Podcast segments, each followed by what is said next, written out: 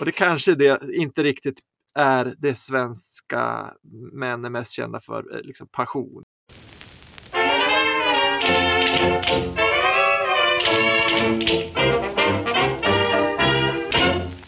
Lysande lagom. Vi är tillbaka med ett nytt avsnitt av Lysande lagom med min kära kollega Sofie Tegsveden Duvo. Bonjour. Bonjour. Och så jag då, Emil Molander. Eh, idag tänkte vi prata om en artikel som vi har läst i den engelskspråkiga svenska tidningen The Local. Det är eh, deras vikarierande chefredaktör Richard Orange som har skrivit, han har undersökt personer som bo, har en relation, en romantisk relation, att de är gifta med någon eller är ihop med någon svensk, hur de upplever sina svenska partners. Mm. Och så har han skrivit en artikel om det här i den här tidningen, The Local. Och har du läst den, Emil? Mm, ja, den utkom väl här i början, slutet på november, eller sista november eller första december eller något sånt. Kom den. Precis. Jag har läst den. Eh, och, och, och titeln till, äh, till, eller rubriken är What are the barriers to successful relationship with a Swede? Alltså vad, vad, vilka grejer står i vägen för att man ska ha en bra relation med en svensk? Alltså, Mm. det är väl, de hade fått in tror jag ungefär 100 svar. Eh, notera dock att ungefär 70 procent av de här svaren kommer från kvinnor som har eh, en heterosexuell relation med en svensk eh, man. Man kan också tänka sig att de som är benägna att svara på en sån här undersökning är de som är missnöjda med något. Ja, och tycker att någonting är konstigt eller besvärligt. Så att det kan ju vara en övervikt av de som har problem på olika sätt i sin relation. Ja, men, men, jo men exakt, det är väl också det som kanske är, eh, alltså själva, själva rubriken är ju att, att eh, vad är, vad är Ja, hindren, vad är problemet? Så det, det är fokus på det negativa som eventuellt då kan vara liksom eh, typiskt svenskt. Det, det som kommer först, eh, det, det är ingen, ingen eh, vad ska man säga, överraskning här, det är att svenskar är dåliga på att eh, kommunicera. Och, fr- och Mm. framförallt handlar det lite om att, att de är dåliga på att ta upp liksom, dåliga saker och konfrontera sina partner när någonting jobbigt har hänt eller om det är något liksom jobbigt de måste eh, prata om. Att, om, om, om det, det är en indisk kvinna här som be, beskriver att eftersom de inte liksom berättar varför de är upprörda eller varför de är ledsna eller arga så, så, så blir liksom den här saken mycket större än vad den egentligen borde ha varit eller vad den, vad den hade varit om man hade pratat om det direkt. Mm. Just det, hon föredrar att man tar och har ett litet bråk kanske, eller tar upp det på en gång och snackar, snackar igenom det. Mm. Och sen, Ren, rensar luften. mm, just Mm. det. Ja, varför gör inte hennes svenska partner det då? Ja, de... de nej, men han, han, är väl, han är väl svensk. Eh, nej, men så kan det väl vara, tror jag. Att, att det är väl svenskar ganska kända för, att vi är lite konflikträdda. Men sen, sen tror jag också att det kan man kanske ska vara medveten om, oavsett varifrån man kommer, men att om man är i en, en relation med en person från ett annat land, och man kanske inte pratar samma språk på modersmålsnivå, så är det ju, det kan ofta vara mycket svårare att kommunicera för att man kanske måste uttrycka sig på ett annat språk eh, till exempel. Ja, jo, det kan ju vara svårare. Det kan ju vara svårare att liksom, prata om negativa saker eller ha konflikter också eftersom man, man är van att hålla konflikter på olika sätt. Så det, på, alltså på två olika sätt i relationen, så då kanske man undviker det. Mm. Ehm, men sen det som jag tänker direkt är också, det låter som en typisk sak som man kritiserar män för i allmänhet. Ja, jo, men absolut. Det är väl, det är väl eh, nå- nå- någonting som, som man ofta pratar om, liksom, mä- mäns brist på... Liksom, Att uttrycka sina känslor. Ja, framförallt känslor precis och att kommunicera och kanske un undvika lite eh, kon konflikter med, med sina... Och så finns det också det här liksom att, du vet, män som kallar sina kvinnor liksom regeringen för de bestämmer och styr och ställer och så liksom. Så, så, så, så måste man finna sig i det och tycker det är lite jobbigt. Så det, det finns ju definitivt i Sverige, även i liksom helsvenska relationer, men säkert också i, i andra länder kanske. Mm, säkert. Mm. I, i, I egenskap av svensk man här, Emil, har du något att säga för att försvara dig? Ja, nej, jag tycker att det inte är något större fel på svenska män så. Eh, det som man brukar få höra är att Eh, svenska män är mer tysta. Det här har vi pratat om i ett av våra allra första avsnitt. Att svenska män håller tyst, tar inte lika stor plats som män i andra länder. Eh, speciellt nu på senare år också, om man är lite tänkande så vill aktar man sig för att råka råka säga för mycket eller råka bli beskylld för mansplaining och så vidare. Så då är det bra att hålla tyst ibland Mm. på något sätt. Alltså, det, som- finns ju också en, det finns ju också en stereotyp eh, som säger att som man så ska man liksom vara stoisk och ta emot eh, skit och inte hålla på och gnälla för då är man en jäkla gnällspik och, eh, och en sån här, vad är det de kallar det för? Eh, mansbebis om man klagar och pratar om sina känslor. Så det, det, det är ju också liksom, man gör fel hur man än gör lite. Ja, ja, men det är väl så det är att vara eh, man eh, nu för tiden. Men, men, men, men om man går vidare så tycker jag att det, det blir lite mer liksom specifikt och lite mer eh, intressant. För sen, sen kommer det här, liksom, när de väl bråkar så, så bråkar man liksom på ett tyst sätt. De här svenskarna bråkar Mm. tyst och de är också ganska trevliga när de bråkar. Eh, och så är det eh, en, en, en, eh, taiwanesisk kvinna som liksom tycker det här är liksom jättejobbigt för han, han tycker, hennes, hennes, hennes kille eller man, han tycker att hon måste vara liksom trevlig också Ja. när hon är arg. Och, och hon tycker att i de där situationerna så, så har hon rätt liksom att bli otrevlig. Och hon använder det svenska ordet otrevlig, unpleasant, beskri beskriver hon här i, i texten. Liksom. Så, så, så det, det låter verkligen att det kommer från, från hjärtat det här, att, att han har liksom, sluta vara otrevlig när du är arg.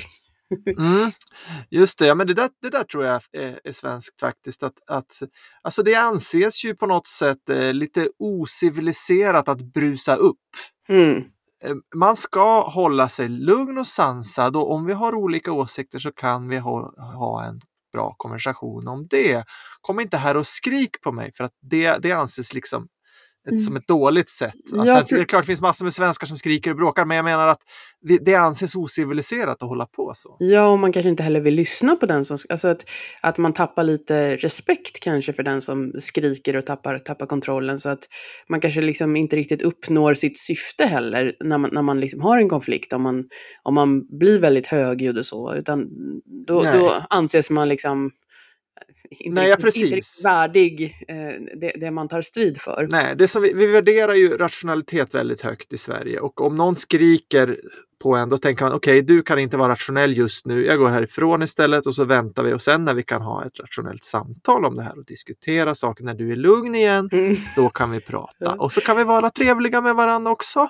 Ja. Ja, men för, för det, det, det var en intressant kommentar som jag inte hade tänkt på. För det, det är lite på samma tema, så är det en amerikansk kvinna som hon upplever sin, sin partner att han, eftersom han är så pass lugn i deras konflikter så upplever hon honom som lite så här ointresserad, Mm, att han inte bryr sig apatisk. om, ja men Mm. han bry, verkar inte bry sig om deras relation. För att när hon liksom blir upprörd, då, då förväntar hon sig att han ska bli lika upprörd och liksom de ska visa sin passion och sitt intresse. Just men han, det. han liksom bara sitter och väntar ut det här. Ja, precis. Ja. Det där har jag hö- hört också att vissa blir irriterade på att deras svenska man inte blir svartsjuk. Mm, det ska Det är man ju- bli också. Ja, men det, det är ju, känns ju ganska osunt liksom att du vill att eh, din man ska vara liksom kontrollerande och vilja äga dig. Liksom. Men, men det där, jag tror det är lite samma sak så här att, eh, att det handlar om att jag vill att du ska visa passion för mig. Mm. Och det kanske det inte riktigt är det svenska män är mest kända för, eh, liksom passion, utan det, tänk, det associerar vi med någon sorts tangodansare med en ros i munnen. Mm, jag menar, jag då i egenskap av svensk heterosexuell kvinna, jag tänker liksom en, en tangodansare med en ros i munnen, jag blir nästan lite äcklad. ja, okej. jag vet inte. Ja, du vill inte ha. Men du Jag har, vill ju, inte. du har ju gift dig med en fransos, är inte han passionerad och sådär och visar starka känslor och... Nej, men, nej, men han, han, han är verkligen den här svenska mannen. Ja. Han Det är därför ni funkar bra. Ja, nej, men han är vä- väldigt lugn och ointresserad och, och, och rationell. Så, så det, det, det, just där har vi ingen större ku- kulturkrock, Mm. tror jag. Nej, men jag, nej, det hade nog aldrig funkat eh, för mig. Men, men, men det är intressant, för det, det, det, är- också någonting som kommer upp, att, att, att eh, någon, en latinamerikansk kvinna här som beskriver att det är, liksom, det, är- inga romantiska detaljer, skriver hon. Det inga, inga blommor eller överraskningar, utan Mm. det är liksom väldigt pragmatiskt och, och vardagligt i hennes relation. Och det tycker hon är tråkigt Ja. och som en ja, brist på kärlek på något sätt. Ja, men vi har, fått, vi har lärt oss sedan barndomen att vi lever i ett jämställt land. Det ska inte vara... eh, Alltså, det, är inte, det finns inte en stor skillnad där och att mannen ska göra så här och kvinnan ska göra så här. Nej, det är lika. Vi delar på notan på restaurangen. Kvinnan kan hålla upp dörren för mannen lika väl som tvärtom. Och varför ska just jag köpa blommor? Kan Mm. väl köpa till mig? Eh, så att man har liksom förlorat de här gentlemannaidealen eh, en del tror jag. Ja, Och det, är väldigt, eh, fortfarande väldigt starkt rådande i andra kulturer. Så. ja men precis. Nu, nu, nu är jag väldigt hjärn, hjärntvättad svensk, men jag tycker det verkar Mm. rätt, rätt skönt för, för männen att slippa den där pressen. För det blir ju, jag tänker det blir väldigt dyrt om man ska hålla på och uppvakta med, med blommor och, och, Mm. och liksom olika presenter sådär.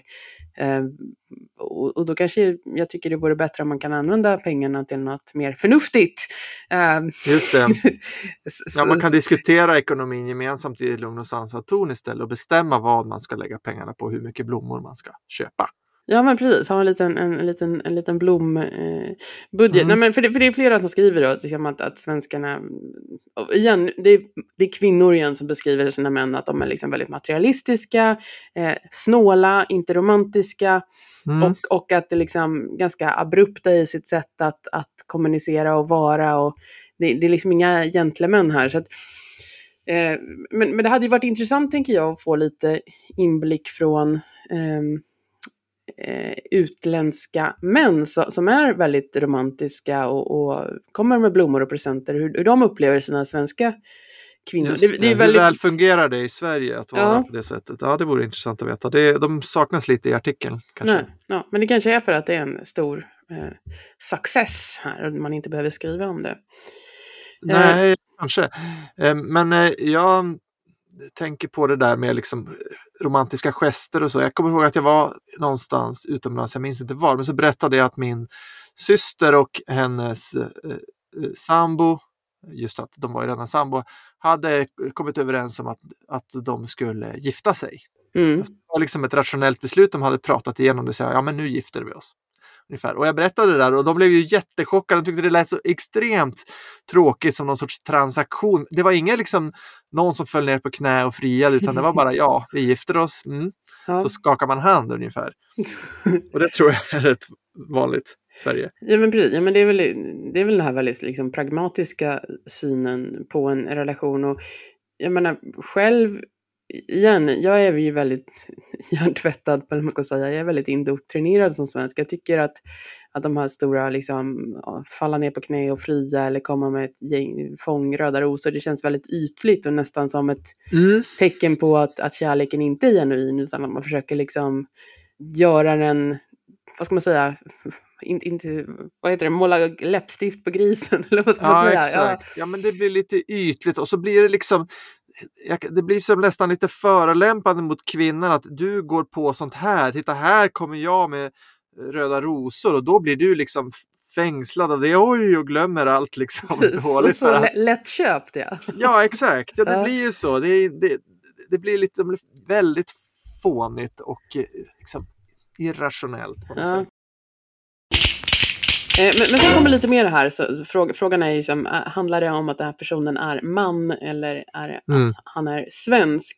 Eh, för det är en, en turkisk kvinna som beskriver där att hon, hon har varit gift med, med en svensk man väldigt länge och när hon blir sjuk så, så bryr sig hennes man inte. Och, och hon, hon skriver att för, för honom är liksom sjukdom det är en, en normal del av livet och, Mm. och det skulle liksom, man man ska försöka vara så normal som möjligt. Och det här är precis tvärtom om hur det är i hennes, hennes Ja. kultur. Och jag reagerade på det här, för det, det, det här är liksom en konflikt som jag och min man har, för jag tycker han ska visa lite mer om, omtanke när jag eh, är, är sjuk. Um, Ja. mm. Jag, jag, jag, jag är på mannens sida där. Ja. Alltså jag tycker det är en sjuk kvinna som är vuxen och inte ett barn.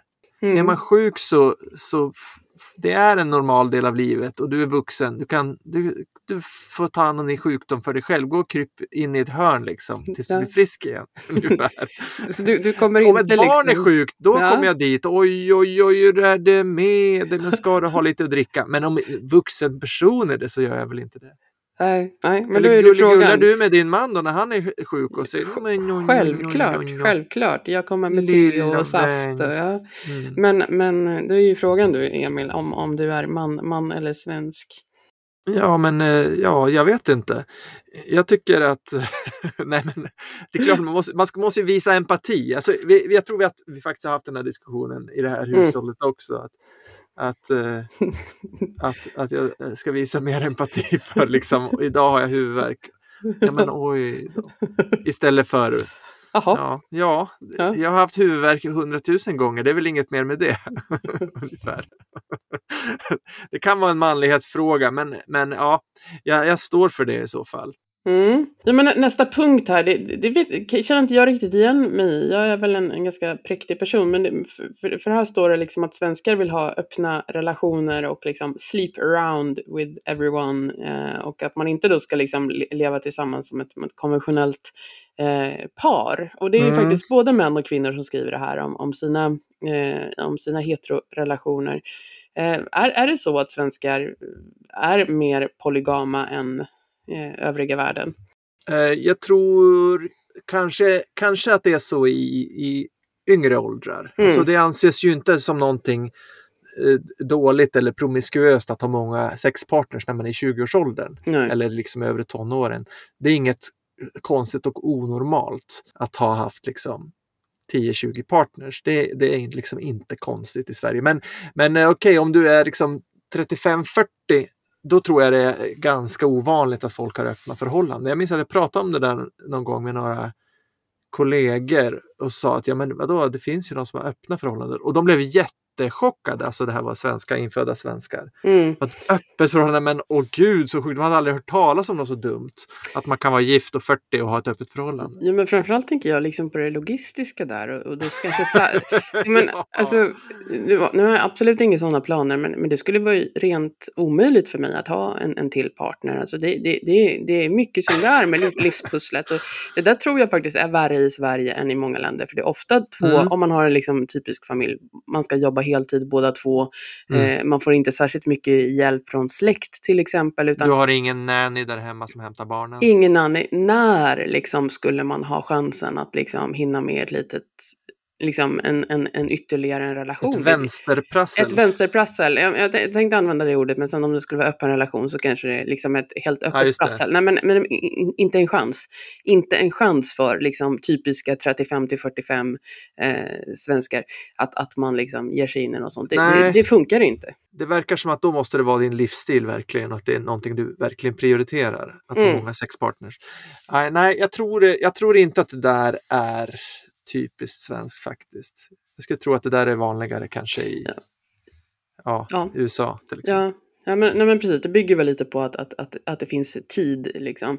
Eh, men som du säger, sen är väl svenskar ganska liksom, pragmatiska. ehm, eh, och inte särskilt liksom, oroade över, liksom, det, finns, jag menar, det här liksom, oskuldsbegreppet som finns i USA till exempel. Det är ju inte någon, någon grej nästan alls i Sverige. Utan, Att man ska vara oskuld när man gifter sig. ja, Nej, det, det, det, tror jag de flesta svenskar tycker är rent idiotiskt. ja det, det är antagligen till och med en, en, en nackdel Ja, För att gå vidare, vi kommer tillbaka här igen, så upplevs svenskar som tråkiga och asociala, vilket också kanske skulle vara en anledning till att de inte lyckas ha sig en, hitta en ex, extra partner. Eh, mm. Men, men, men, eh, och det är inte bara liksom att de är lite asociala, de är, de är tråkiga, de är tråkiga att vara med, de är tråkiga att prata med. Eh, och vad många, eller flera har upptäckt i alla fall, är att när man flyttar, bott i ett annat land och sen flyttat tillbaka till Sverige så har partnern blivit ännu tråkigare. Och det är nästan som att man liksom, att, att de här, det är en kana, kanadensisk kvinna eh, som tycker att hon själv också har blivit tråkig av att vara i Sverige.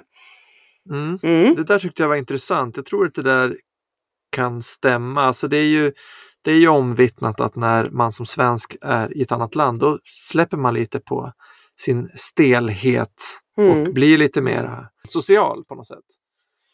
Men jag vet Mm. inte vad det beror på. Och att även den här kanadensiskan blir tråkig. Ja, man blir väl lite påverkad av sin partner. Om partnern är tråkig och vill sitta hemma och, och glo på tv så får man ju så lov att hänga med om man inte har sitt lilla vänsterprassel alltså.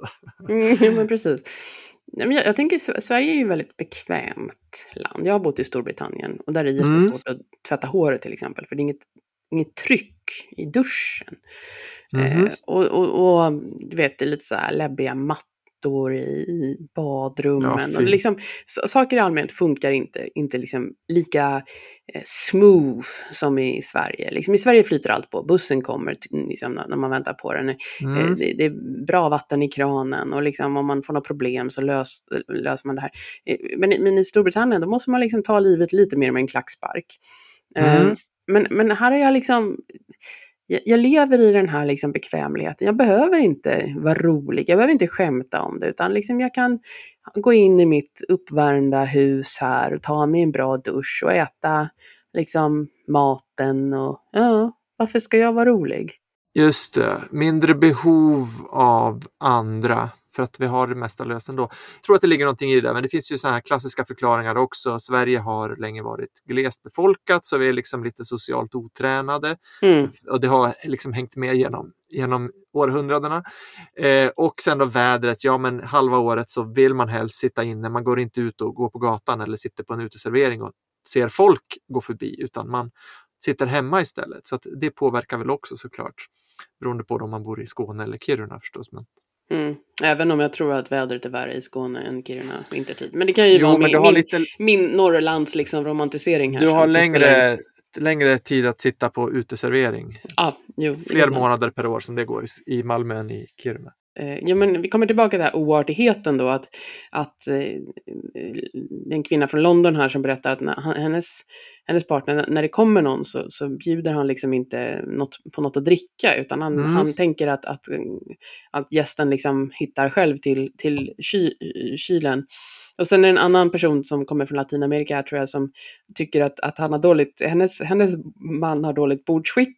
Eh, och han använder inte servetter och han, han, eh, han väntar inte på att alla ska sitta ner när han börjar äta. Men det, det där känner jag faktiskt lite igen. Att det, det där, just det här artighet kring, kring mat är ju lite o, olikt i Sverige. Utan det finns ju det här, det är väldigt individualistiskt. Man häller upp vatten till sig själv och inte till de Mm. andra. Man plockar själv från en buffé. Man plockar själv, man börjar äta liksom eh, när man har sin mat, man väntar inte in.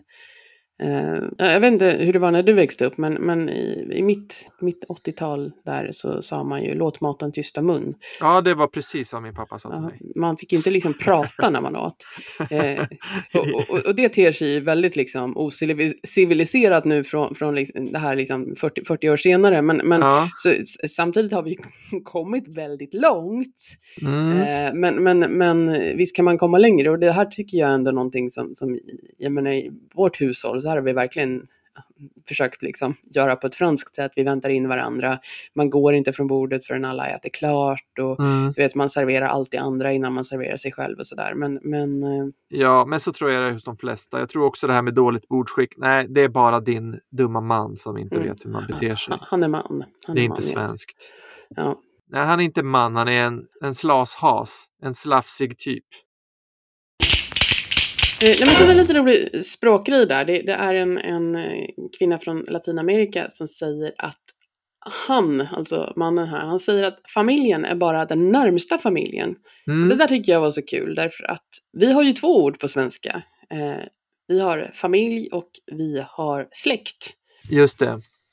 Det här bekräftar eh, Safire-Worf-hypotesen eh, som säger att om spr- språket påverkar hur vi beter oss och tänker och sådär också. Kanske då delvis. Eh, ja, om vi, vårt, vårt ord för familj det är ju bara de närmaste. Det den du är gift med och era barn. Det är familjen. Mm, Sen farmor och farfar och kusinerna, det är släkten. mm. Men på många andra språk så använder man ordet familj för liksom hela det här eh, Ja. gänget. Påverkar det då hur vi ser på familj? Att, om familj är ordet för alltihop, då, då känner vi oss närmare våra kusiner och fastrar än om vi har familjen och det där är bara släkten.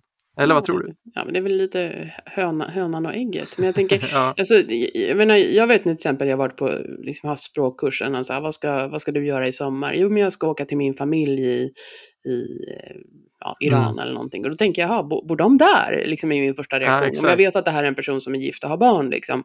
Eh, och, och sen, liksom, ja, just det, de ska se släkten, de ska träffa släkten där. Ja. Ehm, så, så jag tror det här, är ju, det här kan vara nog ganska svårt.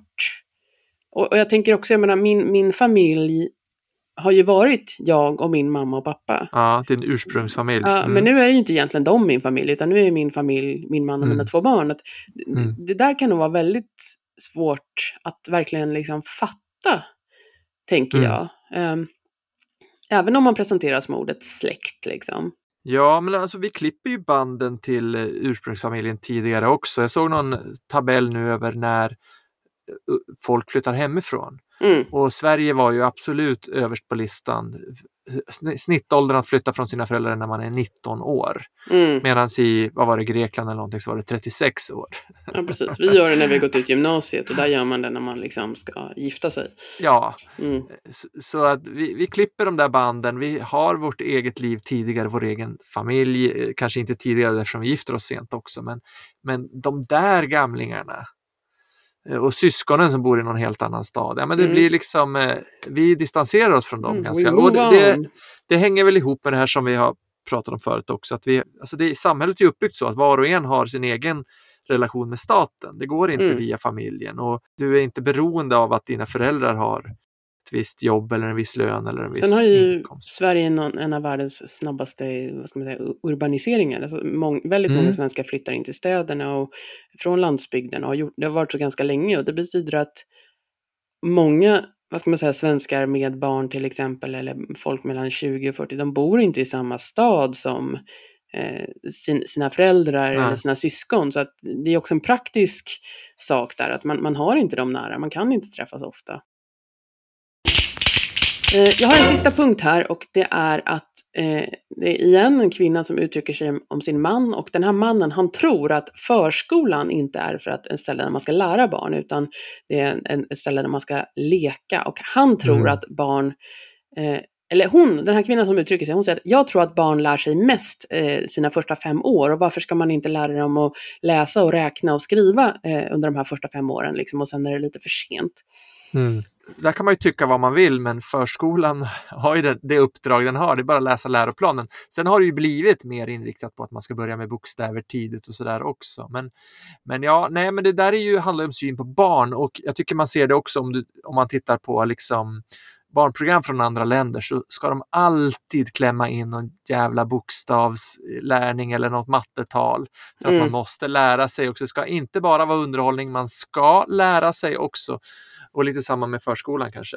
Ja, men jag, jag tycker det som är intressant här, det är egentligen inte hennes eh, partner som hon uttrycker sig om, utan det är ju det svenska samhället. Men, Mm. men vad, vad jag egentligen tror händer här är ju att i och med att man är i en relation med, med en, en svensk och bor i Sverige, då, då kommer man ju, och kanske också framförallt när man skaffar barn, och det har vi pratat om, man kommer ju mycket närmare det svenska samhället. Man, Mm. man kommer liksom mycket längre in i kulturen än, än om man liksom ja, man lever i sin egen lilla bubbla och kanske går till jobbet. Så jag tror att det kanske också blir så eh, när, man, när man har en, en relation med någon eller ska eh, bilda familj med någon. Alltså, det är inte bara den personen man lär känna utan man lär känna väldigt mycket runt omkring den här personen och kulturen och samhället, hur saker fungerar. Och då kan det vara lite svårt att veta vad som är vad. Ja. Är det min partner som är knäpp eller är det bara samhället som, som jag inte känner till än? Mm. Ja, och, och så samtidigt så fastnar man i det här samhället. Att, jag tänker liksom, nu plötsligt ska mina barn eh, bli en del av det här samhället där man liksom inte får Mm. lära sig att räkna och läsa och skriva. Ja. Det kan kännas ganska jobbigt. Jag har en panikkänsla där, men oj, det är ju mina barn, det är det viktigaste av allt. De måste ha precis det som jag hade, eller de Mm. måste ha det här och det här och det här. De måste få sina kunskaper nu innan det är för sent. Mm. Ja. Men, eh, men det är ju bara att komplettera själv då. Med det, lär dem själv att läsa om du vill Ja, det. så får de jättetråkigt när de börjar skolan sen. Du är ju eh, gift med en, en fransos som också härstammar från en eh, plats långt utanför eh, Europa också. Mm. Har du blivit eh, beskylld för några svenska fasoner i er relation? Eh, jo, men sj- självklart har jag blivit beskylld för både personliga och sven- svenska fasoner. Eh, min, min man kommer från Ile de la Réunion, som är en, en fransk ö eh, som ligger i Indiska oceanen mellan Mauritius och Madagaskar kan man säga. Eh, och det är ett ganska traditionellt samhälle, alltså även om det är en del av Frankrike så är det nog lite också liksom in, influerat kanske både i Indien och Afrika, så man har lite så in, Indien eh, familjer liksom, väldigt, väldigt Mm. kollektivt. Nej, men, men jag tror att kanske den saken som, som ingen av oss var beredd på eh, och som är lite speciellt är att jag kanske ser mig lite mer som en individ och lite mindre som en del av vårt par. Eh, Mhm. jag tycker inte alls det är konstigt till exempel att jag åker iväg på semester en vecka med kompisar eller är helt själv utan honom och liksom inte för att han inte kan eller inte vill utan för att jag vill göra det. Och det där, när, när det hände första gången då blev han liksom, alltså inte arg men så liksom förvånad, för det var inte ens i hans eh, liksom, världsbild att någonting sånt skulle hända, utan för honom, är- om man är ett par, då gör man allt tillsammans. Eh, och det tycker inte jag att man ska göra. För mig är det också en självklarhet att, att liksom, nej, men det är klart jag ska göra saker själv också. Det anses lite osunt på något sätt att vara ihoplimmade i varandra och göra allt tillsammans. Mm. Och han, han, han kanske mer tolkar det som att vad är det för fel på vår relation för att inte du vill vara med mig liksom. Och det, det har ju inte med det att göra, utan det är mer att jag vill Ja. vara själv ett tag. Vi skulle väldigt gärna vilja balansera den här eh, artikeln lite. Så om du är man eh, och eh, har en relation, eh, antingen eh, en, en relation där en, en, en ena delen är svensk, så hör gärna av er till oss med era erfarenheter av eh, svensk, halvsvenska relationer och vilka barriärerna är och också vilka fördelar Mm. det finns med att vara ihop med någon från Sverige eller ett annat land. Jag tycker också det skulle vara intressant att få lite mer insikter i hur det är att vara från ett annat land och bo i Sverige som singel och försöka Mm. hitta en partner eh, på olika sätt. Eh, Liksom, datingkulturen finns den och så vidare. Det, det skulle vara intressant så hör gärna av er så får vi göra Ja. avsnitt om det. Vi finns på podd, podd eller podd, att lysforlag.com eller att lysande lagom på sociala medier.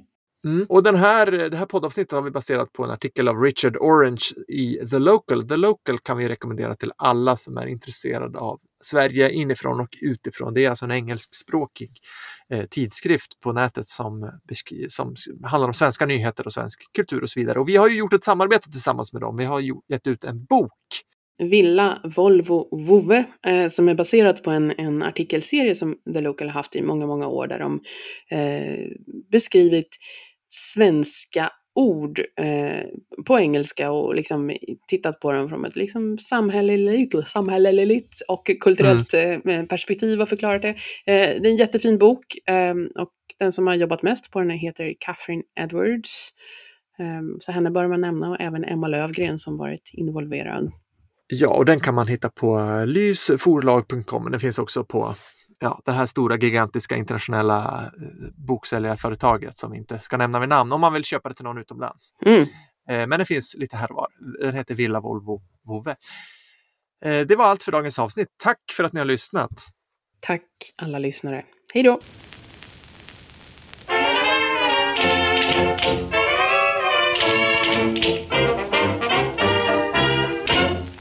Lisande lagom.